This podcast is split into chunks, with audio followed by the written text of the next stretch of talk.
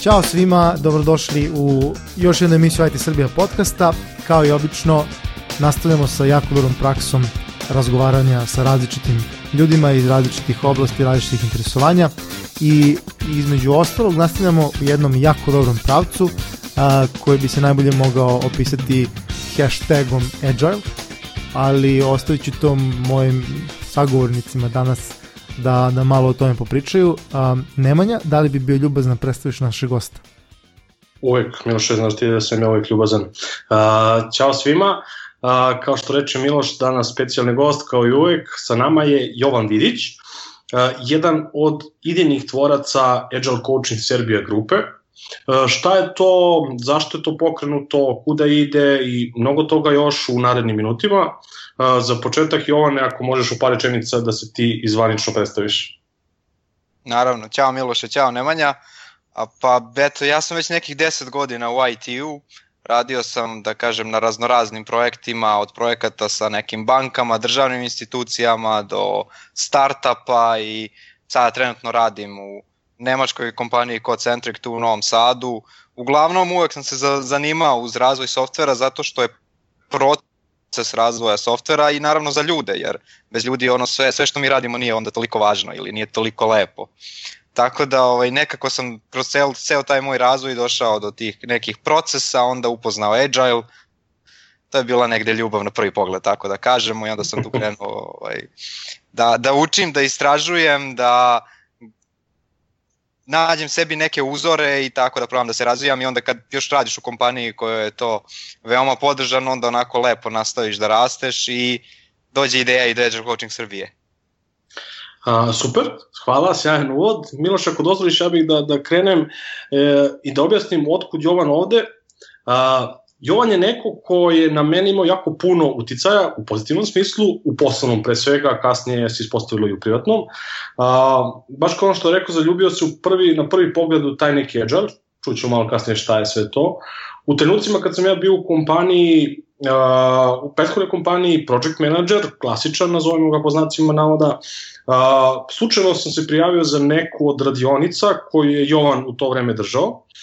Mislim da je to bilo među prvim radionicama Agile Coaching Srbija grupe i tu sam se malte ne, jako sam čitao o tome ranije, malte ne prvi put živo susreo sa, sa pojmom i značenjem Agile priče, Agile sveta, upoznao se sa nekim praksama i od tog trenutka se ja više nisam vratio nazad. To je negde bila prelona tačka gde sam ja uplovio te neke agile vode i, i, i potpuno se pronašao, pronašao i, i svoju karijeru i malte ne i ceo svoj život preorijentisao na neko tako razmišljanje, tako da zašto, zbog čega, Jovane, možda možemo da krenemo s tim, otkud Agile, šta je to Agile i kako to da si pokrenuo Agile Coaching Srbija grupu.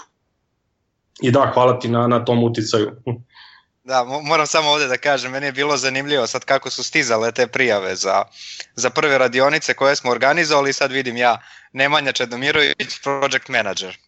A s obzirom da sam imao neku ideju, jeli, koga ćemo da pozovemo na radionice, moja inicijalna, inicijalna ideja je bila hajde da dođu ljudi koji to svakodnevno koriste, ovaj, kojima može biti korisno, I ovaj, onda sam tako razmišljao kao pa kako jedan project manager ovaj, da dođe na, na našu radionicu, ali onda ipak bilo hajde pa ovaj, svako jeli treba da nauči. Međutim, jeli, kao, kao i uvek, u stvari mnogo je bitnije kako osoba razmišlja, ne šta mu je titula i a, ovaj, meni je jako drago jeli, da si došao i da smo se posle upoznali slično. A kako je sve krenulo? Pa to je u stvari zanimljivo. Mi smo unutar Kocentrika imali neku ideju kako da krenemo da delimo znanje koje jeli, postoji u Kocentriku, van Kocentrika i onda je došla ideja kao hajde da krenemo sa organizovanjem nekih radionica.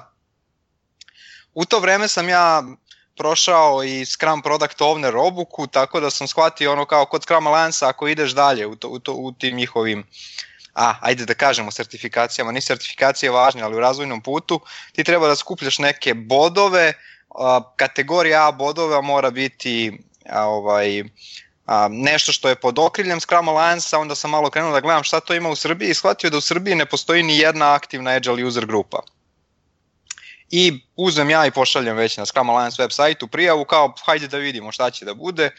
U to vreme Coding Serbia Meetup, mi pravimo Meetup, ja držim temu koja je meni i dalje omiljena, jako sad mogu na, na, na mnogo tema da pričam, ali tema je bila otprilike kako da koristimo tehnike za a, vizualno vođenje sastanaka, za ono što mi popularno zovemo igre i kako sve to, kako ceo posao može da bude zabavniji, taj meetup bude veoma uspešan, dođe recimo 80 ljudi, mi na njemu objavimo ovaj, flajere na kojima pozovemo ljude da se prijave na radionice, a, Scrum Alliance odgovori da oni ovaj da je njima ok da napravimo user grupu I tako da mi krećemo s tom prvom radionicom, uh, hajde da kažem, iz neke ideje da delimo znanje u kod centriku i da vidimo kako će biti. I na prvu radionicu ja sam planirao da bude 15 mesta, prijavi se, ja mislim, 45 ljudi.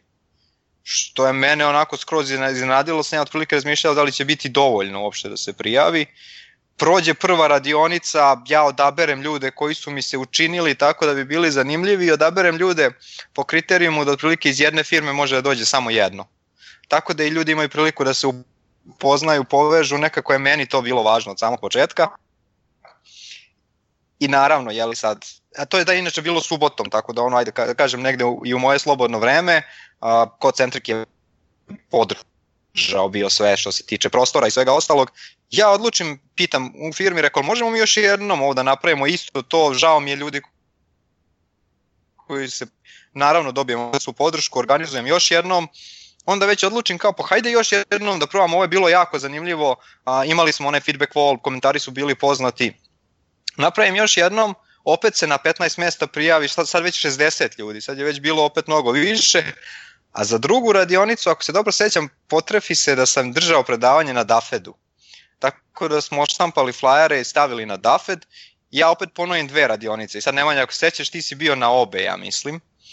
Tako je, tako je, obe. Jeste, jeste.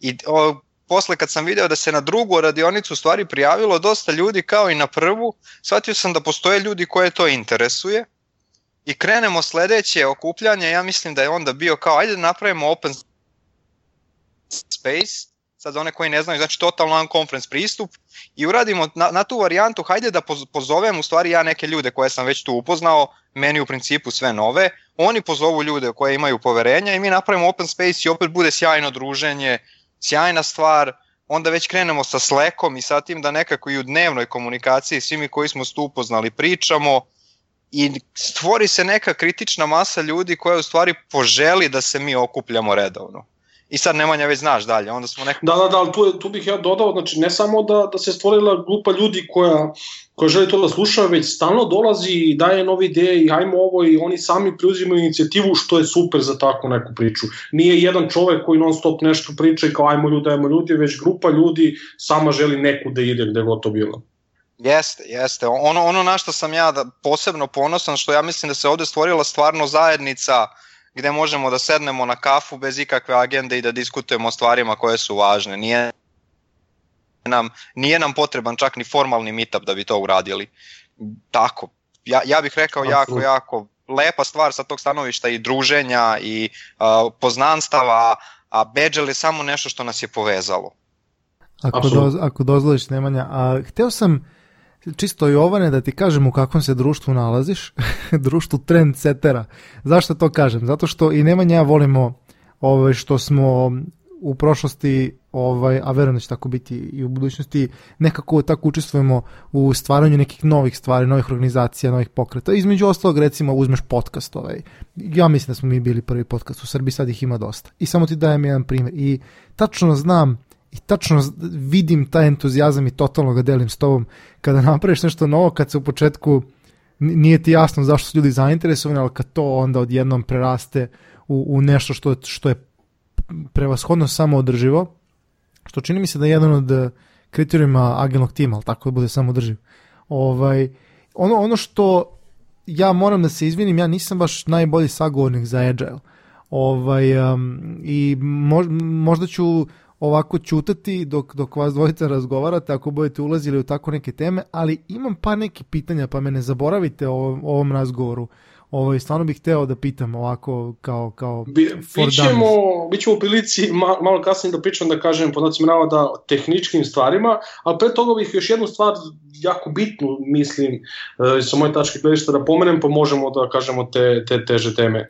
Ono što što je, ako premotamo malo unapred celu Agile Coaching Serbia grupu, ono što je proisteklo, naravno ne samo iz toga, već i iz Jovanovog rada i svega što, što je uradio u prošlosti, naravno on je skroman i to nikad neće potvrditi, ali evo ja, to, ja govorim u njegovo ime, on je dobio poziv da bude predavač na jednoj od ako ne najvećih, onda svakako najuticajnijih Agile konferencija u Evropi, to je Agilia Conference, ove godine bila u Češkoj. Jovane, ako bi bio rad da podeliš sa nama celo to iskustvo, kako je došlo do toga i da li to smatraš delom uspeha svega peđašnjih što se radi? A ovo se nisam nadao da ćeš pomenuti. e, imam samo još jednu zanimljivu stvar da podelim ovaj, za, vezano za taj možda početak Agile Coaching mhm. -huh. Srbije i možda, možda zanimljivo za one koji razmišljaju da pokrenu zajednicu.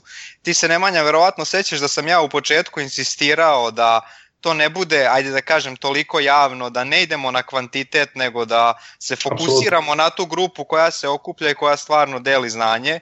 I sećaš se, u početku smo se okupljali onako na poziv. Nije bilo na meetup sajtu javne objave kao e, mi, mi smo grupa kogod želi da dođe, nego i, i mislim da je to napravilo u stvari neku ključnu stvar, da, da su ljudi želeli jedni druge da vide i da nismo odmah izašli negde veliko i rekli ok, mi sad pravimo meetup konferenciju šta god. Tako da možda jedan savet za ljude koji, koji počinju sa tim prvo izgradite odnose sa ljudima koji to najviše vole, onda svi zajedno izađete u stvari kao zajednica negde. Da, super savet. Ovaj, da, e sad, reci. ne, ne, ništa, možeš da nastaviš o, o Agili. Da, pa, da, u principu sjajna stvar, jeli, meni su prihvatili moju temu i to da kažem moja lična tema. Ja sam temu nazvao From Burnout to No Estimates, u stvari glavni naslov je bio You are messing up with people's lives. Sad još malo da premotamo unazad, bio sam na Agile Adria konferenciji, isto kao predavač i imamo speakers dinner ja tu poznajem Vaska Duartea, Vasko je napisao knjigu o No Estimatesu, jedan je od najglasnijih ljudi tu i pričamo i on sad daje primer nekoga ko je imao burnout zbog Estimate ja mu kažem pa ja sam imao to na poslu, ali meni se desilo i kaže meni Vasko ti moraš da pričaš o tome. I sad kreće tu diskusija, pričamo mi i na toj večeri, to je recimo godinu dana pre, pre Agilije, mi u stvari dođemo do naziva moje teme. Ja sam to negde držao, polako spremao tu prezentaciju i sad mi odlučujemo jeli, da idemo. Išli smo kolima, što ja mislim je bilo sjajno, išli smo Nemanja, Marija i ja, znači svi smo tu negde iz Agile Coaching Srbije. A, sjajna konferencija, ono što je zanimljivo kod Agilije je da kada jednom prezentuješ onda imaš dve godine moratorijum na, na prezentovanje i sad mi smo tu došli, upoznali neke ljude na nekom eventu koji je bio pre konferencije, bilo je kuglanje, opet je bilo sjajno, a, i predavači i učesnici su bili zajedno, imali priliku već da se druže. Došao je prvi dan, ja sam pričao negde popodne, je li tako Nemanja? Tako ja nešto, da. Da, da, da. I sad ide keynote, ja sam sva tri keynote negde jedva čekao, prvi je bio Tom Gilb, i idu dalje predavanja, uglavnom dobri predavači, dobra predavanja, mi smo napisali i taj članak, stvari Nemanja je većinski napisao, mi smo pomagali, I ja sam se jeli polako pripremao za svoje predavanje, Nemanja i Marija onako davali konstantnu podršku. Došlo moje predavanje i sad imal, bila je pauza od nekih 20 minuta pre toga, dolaze ovaj dolaze ljudi onako polako se puni sala. Ja još govorim Nemanja neće ovo biti puno rekao ona ne zanima ljude no estimate međutim do kraja se ovaj napuni sala. Ja mislim da je bilo negde stotinjak ljudi tako nešto. Bilo sigurno i to manja sala bilo bilo bilo prepuno i sad, jeli, ispričam ja tu svoju priču, stvarno je lična, ja sam i počeo to neko predanje sa, sa time da ovo je moja priča, ovo je ono što se meni desilo i ovo je sada kako radim, znači od situacije gde radiš u nekom okruženju gde, gde doživiš burnout do situacije gde radiš u okruženju gde estimati nisu važni. Prođe predavanje priča kaže Nemanja odlično, Marija isto odlično, rekao dobro vi me znate, ajde, nije to važno. I sad ide dalje jeli, konferencija, mi ovaj, prođu ostali keynote-ovi, sve prođe super.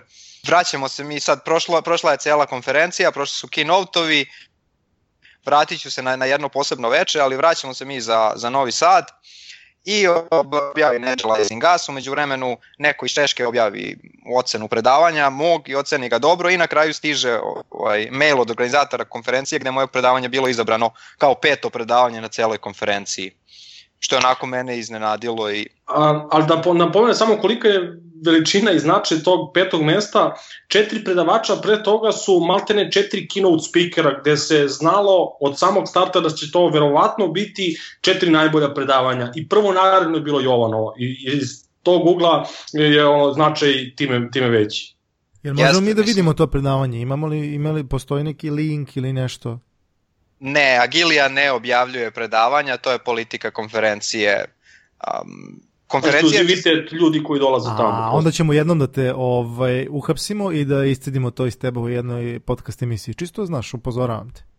Može, može. Ima, pa ja sam već pričao u stvari o tome, mada u nekih 10 minuta baš sa Vaskom Duarteom, sa, sa njegovim podcastom, ali nije onako, nije 10 minuta dovoljno. Posle konferencije smo malo šetali Olmucom, to je grad u Češkoj, mali grad, seli na večeru i bili smo u kontaktu preko Twittera sa jednom od devojaka koja je bila predavač, koju smo između ostalog pozvali da nam dođe u goste i ja verujem da će doći da ispriča tu neku svoju priču. I ona nam se javlja kao tu sam sa ostalim predavačima, uh, hoćete zajedno na pivo, znači skroz, skroz neka, neka varijanta van formalne organizacije konferencije.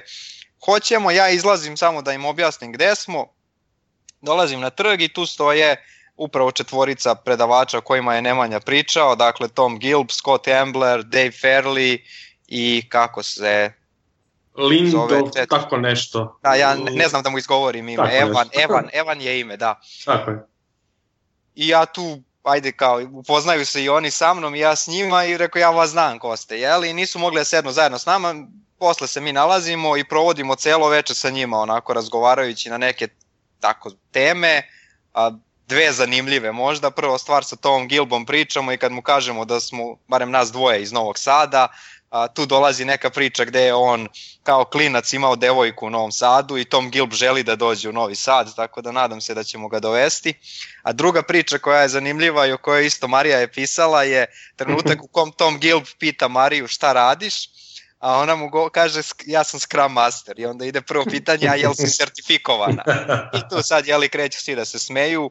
Uglavnom, ne znam, mi smo tu negde došli do zaključka, jeli, uh, jedna od najlepših večeri u našem profesionalnom životu, jer smo imali priliku da provedemo koliko, jedno 4-5 sati sa svim tim ljudima koji... Tako je, sa... sa... Da, to nis, da, pa ono, ono što je meni kod njih onako pos, posebno je da to nisu obični konsultanti ili konsultanti koji naplaćuju neke sertifikacije ili nešto tog tipa, već ljudi koji ozbiljno rade svoj posao. I bilo je, a prepoznati su u svetu, i bilo je jako zanimljivo u stvari podeliti razmišljanja s njima, pa i mnogo naučiti, jel tako, od njih. Tako da... Apsolutno, to su ljudi koji su napisali gomile knjiga, proveli godine u istraživanju jako, jako, jako veliki stručnjaci. Ali ako mi dozvoliš samo da dodam i treću stvar koja je meni bila highlight te večeri, možda off topic ove priče, ali mi je interesantno da pomenem, vraćajući se u hotel, sedimo sa Davidom Farlijem i Tomom Gilbom, mislim da je u tom trenutku prišao i on, i ja iz nekog razloga pitam da li možda poznaju Gojka Adžića. Gojko Adžić je čovjek iz Srbije koji je jako popularan, da kažem, ne samo u Agile svetu, već i u IT svetu u Evropi, ali nekako mi se čini manje priznat ili poznat u Srbiji. I gde ja pitam ljude pored mene da li slučajno znaju za njega ili su čuli za njega i oni onako maltene ljuti to meni odgovaraju kao spustaju čašu piva i kaže meni kao, da li ga znamo? Pa kao, ne da ga znamo, nego on je viša klasa od svih nas ovde. Iako su ljudi pored nas bili jako, jako stručni, što je mene oduševilo da jedan naš čovek na toliko visokoj poziciji i toliko, toliko je cenjen u svetu i u Evropi generalno.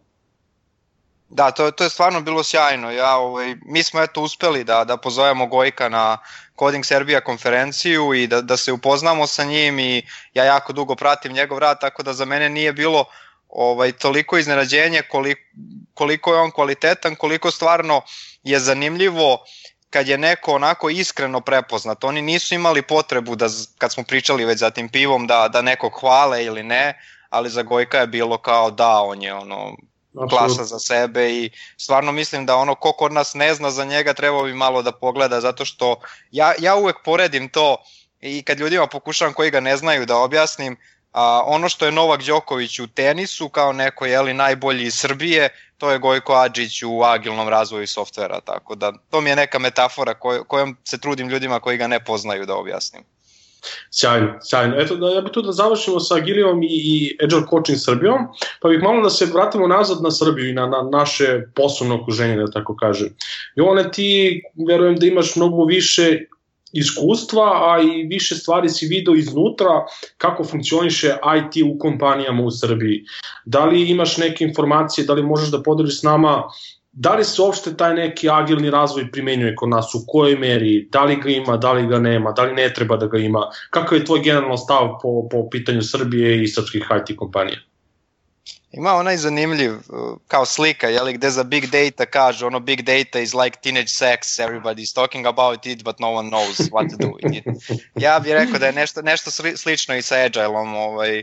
Svima su negde puna usta te priče, svima je jasno da je to i trend u svetu, i hit, i sertifikuju se, i onda dovode sertifikovane konsultante i šta već kompanije ne pokušavaju da urade, a, i, i sad to tog stanovišta, ajde da kažem, popularnosti, tu smo ono trendi, tu smo skroz u skladu sa celim svetom. Međutim, gde mi konstantno padamo, mi padamo na implementaciji i situacija je takva iz, iz mnogo razloga, mnogo je i opravdanih razloga. Tipično smo outsourcing zemlja. Mnogo dolazi projekata koji su a, skor nas ili zbog, ajde da kažem, jeftine radne snage po znacima navoda, odnosno jednostavno kompanije outsource ili pokušavaju da smanje troškove, ili dolaze kao fixed price projekti, tako da je u tim situacijama jako teško implementirati nešto se zove agile. Baš smo na, na onom meetupu, ti si Nemanja bio, imali smo temu kao scaled agile, odnosno yeah. ajde scaled agile versus growing agile, uh, gde smo se negde svi složili da mi u principu u Srbiji nemamo dovoljno kapaciteta da uradimo jednu veliku agilnu transformaciju ako bi uzeli samo ljude iz Srbije da uzmemo sad primer da ceo Telenor hoće da, pro, da, da pređe na agilno i da skupiš sve ljude iz Srbije, to je malo za kompaniju te veličine da ti ozbiljno to transformišeš. Imamo i, i, i dobrih primera, to bih rekao da su kompanije koje grade svoje proizvode ili imamo i outsourcing kompanije u, u okviru kojih se grade i stvaraju neki proizvodi gde je to mnogo lakše implementirati, ali ne postoji taj constraint koji se zove fiksan budžet. Tako da...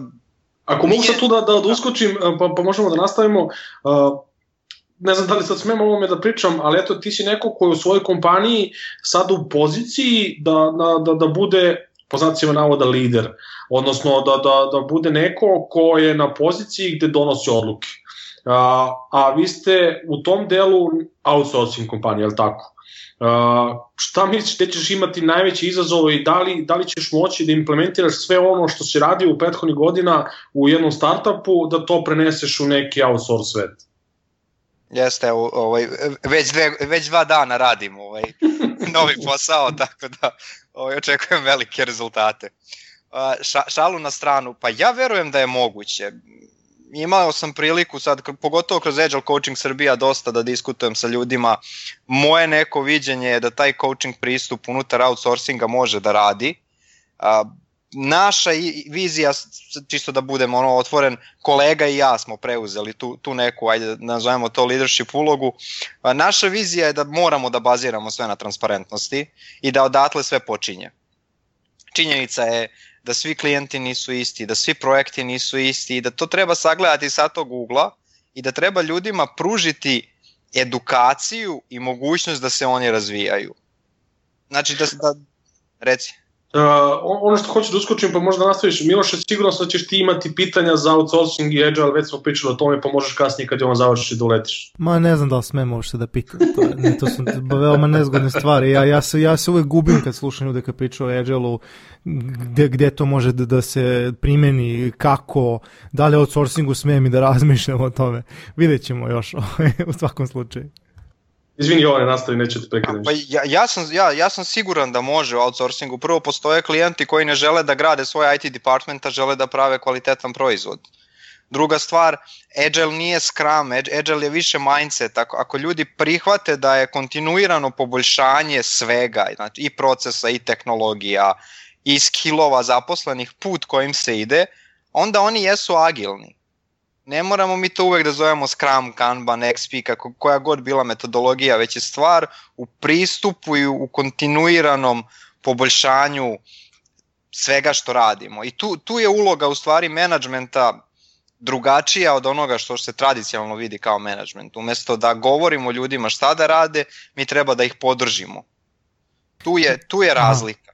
A, a pa ajde, kad, kad smo već uleteli u tu zamku pričanja o agile outsourcingu, jedno se ključna stvar rekao, počeo se sa postoje klijenti koji um, žele da imaju neki, kako, kako mi to kažemo, možda augmented tim, jel tako, ovaj, koji, koji ne žele da imaju svoj IT department, svoje in-house inženjere itd. itd. i onda plaćaju ono hefty sum uh, nekome da, da to radi. I problem je što ako klijent to ne zna ili neće, ili ako imaš nekoliko lju, ono kompanija u lancu, znaš, imaš na primjer digitalnu agenciju koja je suštinski, koja ima klijenta za koga prave recimo neki digitalni proizvod recimo i onda imaš digitalnu agenciju koja outsourcuje development.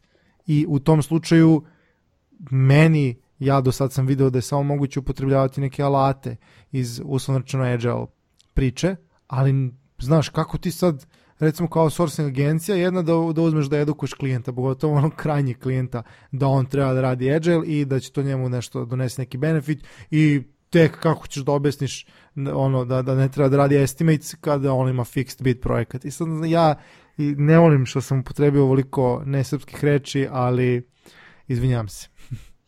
A, meni su one ušle nekako u govor, tako da e, jako, jako često ne mogu da nađem ni zamenu. A, ja bih tu malo razgraničio neke stvari. Prvo, ubeđivanje klijenata, to, je, to već govori na to da klijent ne želi u stvari ono što je glavni benefit Agile-a, to je adaptivno planiranje i u stvari prilagođavanje celoj situaciji, a ne slepo praćenje plana. Uh, tako da prva stvar je u stvari šta klijent želi. Agile kao takav svoju pravu primenu ima na onome što su kompleksni projekti gde rešenja nisu očigledna i gde rešenja nisu jednostavna samim tim svi u tom lancu moraju da prihvate da postoji kompleksnost. Da, ako klijent nije dovoljno edukovan, ono što je neki moj, moj stav je da bi svaka outsourcing kompanija trebala da ima neko ko je agile coach, kako, kako god mi tu ulogu nazvali, ali hajde da ne zovemo tako, koji nije bilabilan i koji nije naplativ klijentu, već koji je upravo tu da pomaže i timovima i organizaciji i klijentima da prihvataju taj mindset. Kako bi to izgledalo u nekom konkretnom slučaju? Dobijete projekat, dobijete fixed price projekat i onda kažete ok, mi ćemo da prihvatimo vrednost transparentnosti i stvarno u prvom trenutku kada vidimo problem, ćemo da odemo kod klijenta. Onda ćemo mi unutar tima da prodiskutujemo šta može biti bolje pa ćemo da prezentujemo. I u stvari usvajaš, opet usvajaš prakse koje, koje nisu strogo definisane, već koje ti omogućavaju da ideš i da pokažeš kako možeš bolje. Samim tim, ako, ako imaš neko ko ajde da kažem, agile coach, ko razume ceo proces, ko razume i ljude i zašto ljudi donose loše i zašto donose dobre odluke i sve, oni mogu na početku i u inicijalnoj toj fazi nekoj kada se razmišlja o stvarima, mogu da da priđu tom klijentu i da razgovaraju sa njim. Šta je važno razumeti u svemu ovome? Projekti kao takvi su nasleđe iz prošlosti. To projektno razmišljanje vuče, vuče korene iz neke prošlosti, recimo od 1911. pa 1930. tada nastaju gantogrami, onda idemo ka tamo onom periodu posle drugog svetskog rata kad se javlja waterfall, to je vreme u kom je komunikacija bila znatno sporija nego danas gde je vrednost informacije bila mnogo veća, danas svi dolaze do informacija, danas je integracija važna, tako da uopšte projektni način razmišljanja nije dovoljan za probleme koje rešavamo danas. I neko to treba da iskomunicira. Da li je to glavni problem naših kompanija, gde neće da slušaju, ne žele da, da, da promene svoj način razmišljanja ili postoji neki, neki drugi problem koji ti vidiš? Naše kompanije se menjaju i to je, to je jako dobro. To je, to je vidljivo. Ono, gde ja imam utisak da greše, da se promene u tome što stave stoni futbal, stave ping pong, a zaborave zbog čega to sve treba. I onda vidimo slike po Facebooku gde zaposleni rade sve i svašta što ne pokazuje sliku šta znači biti odgovoran developer. I tu, po mom mišljenju, na, naše kompanije su sada već shvatile šta je ta unutrašnja motivacija svakog zaposlenog, zašto je ona važna, shvatile su da ljude treba platiti dobro, shvatile su da su ljudima projekti važni, međutim i dalje nismo došli do toga gde je outcome rada najvažniji. E, imaš pivo od mene, izvini, izvini, ali za ovo što si rekao sad imaš pivo, šta, šta pivo, imaš ono, ono litarsko, ono Carolus Rex, ono... Na, samo, znači, neke, samo neke IPA. e, wow, ja isto, isto volim taj, ovaj, tu vrstu piva. Zamisli čovječe, totalno si pogodio u centar. I šta je, šta je ovaj, na kraju rezultat? Rezultat je da, da imamo haos, ono, i da, da, da, da jako teško generalno raditi sa ljudima koji su profesionalci, jer nekako se ras, rasipaju na neke pogrešne stvari. Ovaj, solidno, dao si jako solidan odgovor, prosto moram da priznam, nisam očekivao da ćeš tako dobro da odgovoriš.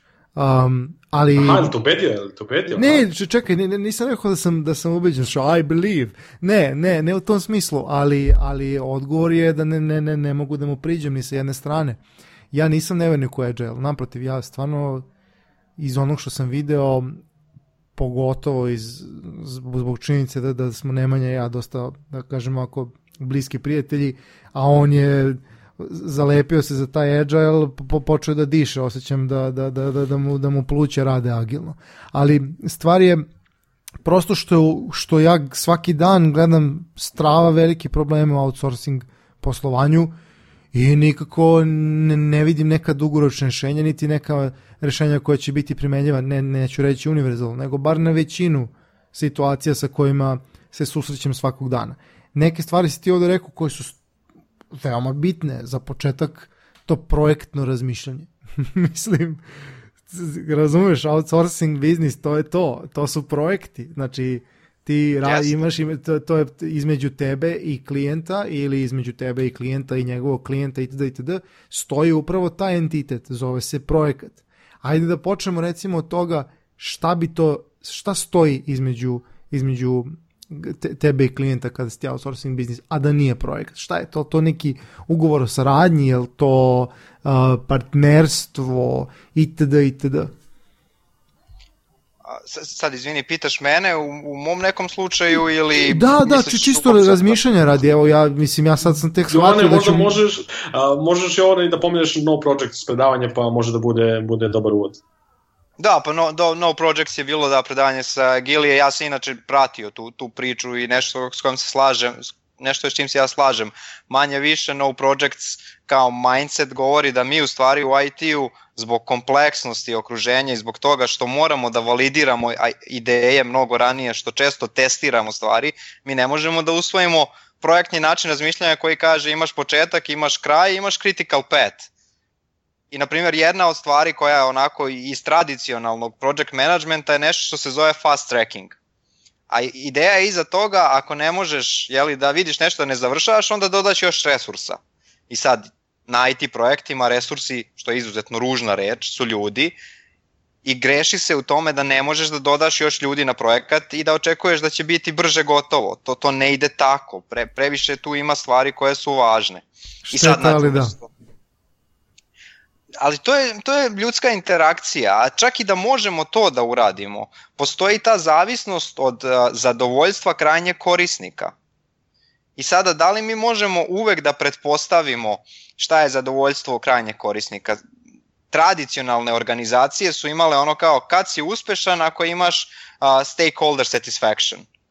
Ali zadovoljan stakeholder, ne znam kako bi to preveo na srpski, nije zadovoljan, ne mora da znači da je zadovoljan krajnji klijent.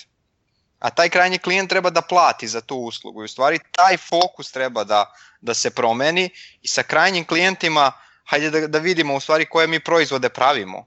Da li mi možemo da intervjuišemo krajnje klijenta ili mi moramo s krajnjim klijentom da eksperimentišemo. Ako eksperimentišemo, opet ne možemo da pravimo projektni plan na dve godine, nego skraćujemo to vreme da bi dobili informaciju, da bi opet dali tom našem krajnjem korisniku koji je sada postao centar sveta. Postoji sad ogromna razlika, ti kupiš neki softver ranije i on se instalira recimo na tvoje servere, pa ti radiš backup, pa ti si vlasnik podataka ili sada uzmeš koristiš online CRM ili šta god, jedan klik kažeš ja sad doću sve moje podatke i idem na drugi CRM, jer vi više niste dobri.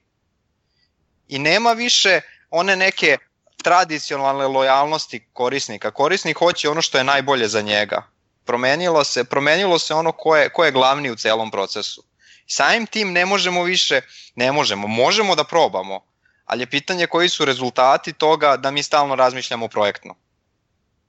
Uh, ovaj, ja se prosto preznojavam dok ti pričaš ko, ko da mi držiš bukvicu. Mislim, potpuno legitimno da se razumemo, zato što ja naž, radim u ekstra projektno razmišljanje o okruženju. Mislim, od, odmah da to izbacim ovaj, na sto i, i, i mrzim ga. Mrzim ga zato što nijedan projekat koji je imao definisan početak i kraj niti je počeo na vreme, niti završio na vreme. I drugo, znaš, kad praviš software ili digitalni proizvod, pa to ima svoj život, razumeš, i ti kad ga napraviš, kao, kao završio si posle nekog QA, da kažem, dela projekta ili nekog UAT, ono user acceptance testing, i posle toga, znaš, niko ne zna odgovori na pitanje šta će se desiti kada se otkrije bug posle svega kada je ono klijent platio i uslovno rečeno bio zadovoljan proizvodom.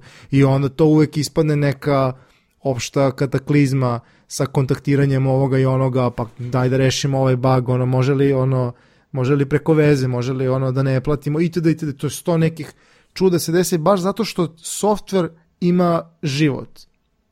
Ti bukvalno napraviš nešto što je živo, što funkcioniš, a jezivo zanimljivu stvar si rekao po pitanju a, toga da, da smo izgubili fokus možda ko je taj krajnji korisnik koji, koji a opet nimam problema ja da kažem na srpskom, ali mi rekli bi ono drives, jel tako, koji pokreće ovaj, u stvari ceo biznis, jel tako, neko ima potrebu i ta, ta potreba ima, ima da kažem sredstava da ispuni i onda on traži ko će da mu reši tu potrebu i s tim u vezi bira najbolje za svoj novac i u svakom momentu je sposoban da promeni onoga komu daje uslugu. Um, ono što čega se malo samo bojim da smo odlutali od, od, od u stvari možda to nikad nismo ni pokušali da, da odgovorimo kako da se mi preumimo sa tog projektnog razmišljanja a da to ne ugrozi naše odnose sa klijentima da ne da naš prosto da ne ugrozi ono što trenutno izvinjavam se na prostosti ovog izraza, ali donosi pare. I, znaš, ti rekao si, srpske firme se menjaju, to je potpuno tačno, ali ja znam toliko firmi koje, znaš, neće, imaju neku komfort zonu, našli su jedan određeni način da zarađuju novac i na kraju danas kapitalizam je i većinom se sve svodi na to i sad idemo tim principom ono dok god može, znaš, muže, muzeš kravu dok, dok je ne izmuzeš. Um, s tim u vezi, one firme koje bi htjela da se promene, to, to je, možda ja obličavam ovo sad kao pitanje. Šta, koji su neki ono dečiji koraci da da se da se preumimo. Evo ja bukvalno go, govorim u svoje ime. Kako ja se preumim sad na reče, na reče Miloš da neće mnogo da priča. A, dobro, da, to je možda, teško. Možda bi ovo bilo bio dobar uvod da polako privodimo epizodu kraju. Kako vidim brojčanik od kucava, ono u glavi mi je koliko nama zapravo treba puno vremena da pričamo o svemu ovome i kako brzo proleti 45 minuta u nekom neformalnom, neformalnom razgovoru. Pa Jovane, ako bi mogao par, par tvojih e, misli i šta je to što bi mi mogli pod broj 1 kao, ne znam, developeri, kao neki ljudi koji rade u IT-u, pa sve to do nekog ko je vlasnik kompanije da uradi, da, da mi promenimo neki način razmišljanja koji je Tadić nami. Hvala, to je odlično pitanje. Ja, ja bih samo, ako imamo dovoljno vremena, prvo da ispričam jednu anegdotu i onda ću Može, govoriti nego što... na.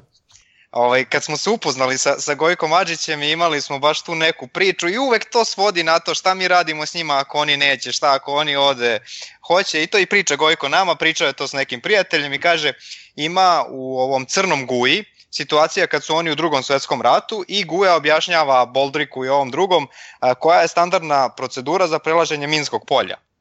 I sad objašnjava, jeli, kad prolaziš Minsko polje, ideš korak ovde, onda proveriš, onda označi sve i diže Boldrik ruku i kao, ok, a koja je standardna procedura ako nagazimo na minu? I sad ovaj gleda i kao, pa dobro, kao ako nagaziš na minu, ono skočiš 200 metara u vazduh i raspršiš se po celom polju. Sad, da, kapiram kuda ide. Zašto, zašto, ja ovo, zašto ja ovo svima pričam? Znači, standardna procedura za nećemo je skočiš i razneseš se. I sa, sa nekim firmama će to uvek biti tako. Mi, mislim da jednostavno to, to, nam je, to nam je istorija pokazala. Jednostavno firme dođu, prođu, nestanu, a, ljudi nađu bolje i slično. Ako ne žele da se promene, prva stvar koju treba da urade je da stvarno iskreno požele da se promene. A, ono o čemu smo isto na Agili dosta pričali sa Daveom Ferlijem, ti se Nemanja verovatno sećaš toga, je da, da smo prestali ili da u IT-u možda nikada nismo dovoljno ni počeli da koristimo nešto što se zove scientific method ili naučni pristup, a to je bilo čemu što radimo, kad pristupamo treba da pristupimo kao eksperimentu. A to je da krenemo od pretpostavke. Ja uvek mogu vama dvojici ili svima drugima da kažem šta ja hoću da vi uradite i da kažem uradite to, ali sam ja rekao ali ako promenimo, ako ja treba vama da objasnim i kažem, moja pretpostavka je da ako vi počnete recimo sa retrospektivama, a, da će vaš proces da dovede do toga da izbacujete jedan feature više u roku od 6 meseci u odnosu na trenutno stanje pod pretpostavkom da znate trenutno stanje. I onda kažemo, ako to bude tačno, onda ćemo da uradimo retrospektivu da poboljšamo proces koji smo napravili. Ako to bude netačno, onda ćemo opet da uradimo retrospektivu, da analiziramo i da uradimo nešto drugo. I to onda radimo samo u dovoljno kratkim vremenskim intervalima. Znači, moja poruka bi uvek svim kompanijama bila zaboravite Scrum, zaboravite Kanban, zaboravite bilo koju metodologiju i testirajte pretpostavke. O, o, ovo je bilo odlično. Ja, ja ne bih ništa da dodajem na, na, na ovakav komentar i mogu ljudi koji slušaju, ako žele da čuju, ne samo da slušaju i da idu dalje, nego stvarno ako žele da čuju, mogu mnogo toga da nauči iz, iz ove posljednje rečenice.